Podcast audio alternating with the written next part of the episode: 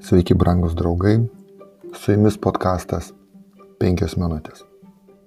Stebuklingai pervedęs Izraelitus per jūrą ir to parodydamas jiems nuostabią rūpestingumo pamoką ir suteikdamas patirtį, Dievas nuvedė savo žmonės tiesiai į dykumą. Taip, taip, į dykumą.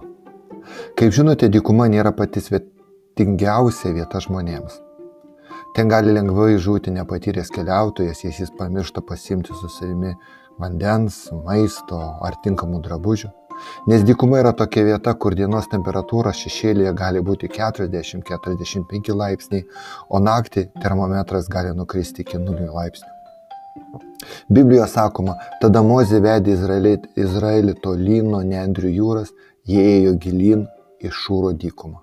Išėjimo 15 skyrius.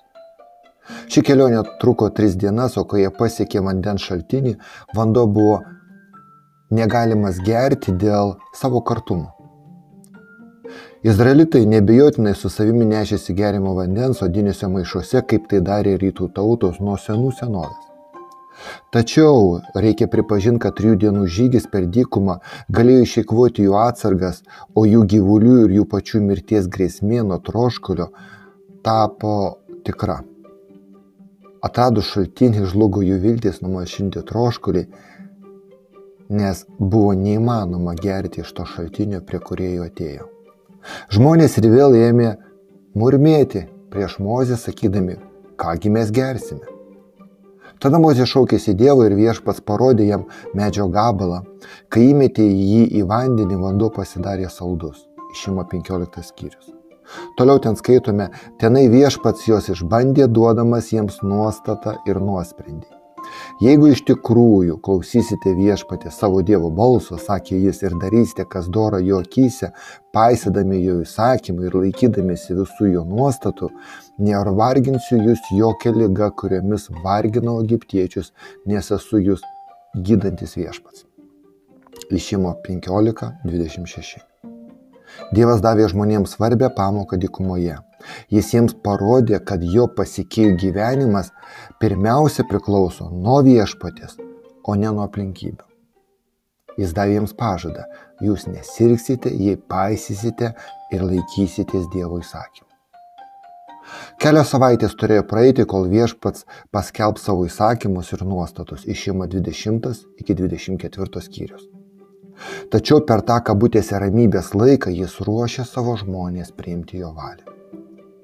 Po šūro dykumos ir trumpo poilsio Elimo oazėje žmonės atėjo į Sino dykumą, kur dar du kartus sugebėjo murmėti prieš Mozę, o viešpats sutikė jiems malonę atsiūsdamas maną iš dangaus.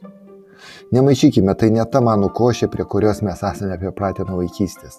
Mana iš dangaus. Ir suteikdamas vandenį iš olos prie Horebo. Būdamas visiškai bejėgis tokioje aplinkoje, Izraelis turėjo išmokti visko pasikliauti savo viešpačiu, vykdyti jo įsakymus ir potvarkius, nemurmėti, o aukti tikėjimą, kad viešpas nepaliks jų bėdoje ir tikrai, tikrai nuves į pažadėtą Kanano kraštą.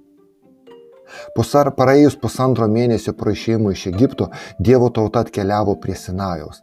Atėjo vietovė, kur įvyks didžiulis įvykis Izraelio istorijoje ir ne tik Izraelio istorijoje.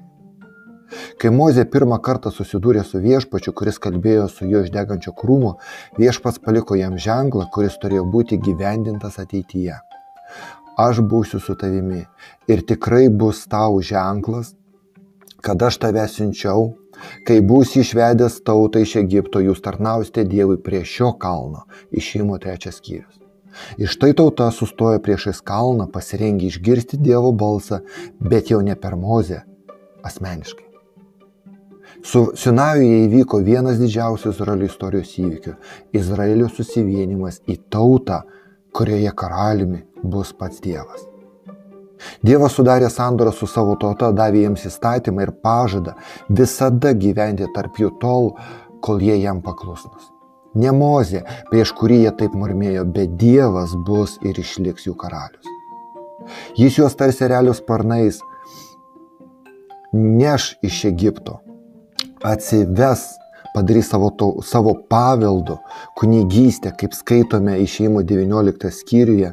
Jūs matėte, kaip nešiau jūs ant terelio sparnų ir pas save atsivedžiau. O dabar, jei paklusite mano balsui ir laikysitės mano sandoros, jūs būsite mano nusavybė, brangesnė už visas kitas tautas.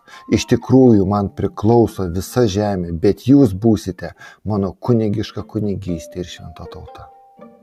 Tai nuostabus pažadas ir nuostabus Dievas, kuris rūpinasi savo tauta. Dabar visi, kurie stovėjo Sinojaus papėdėje, galėjo to įsitikinti. Jų karalių Dievas. Brangus draugai, o mūsų karalius yra kas? Ar tai tas pats, kuriam priklauso visa žemė? Su jumis buvo podkastas 5 minutės.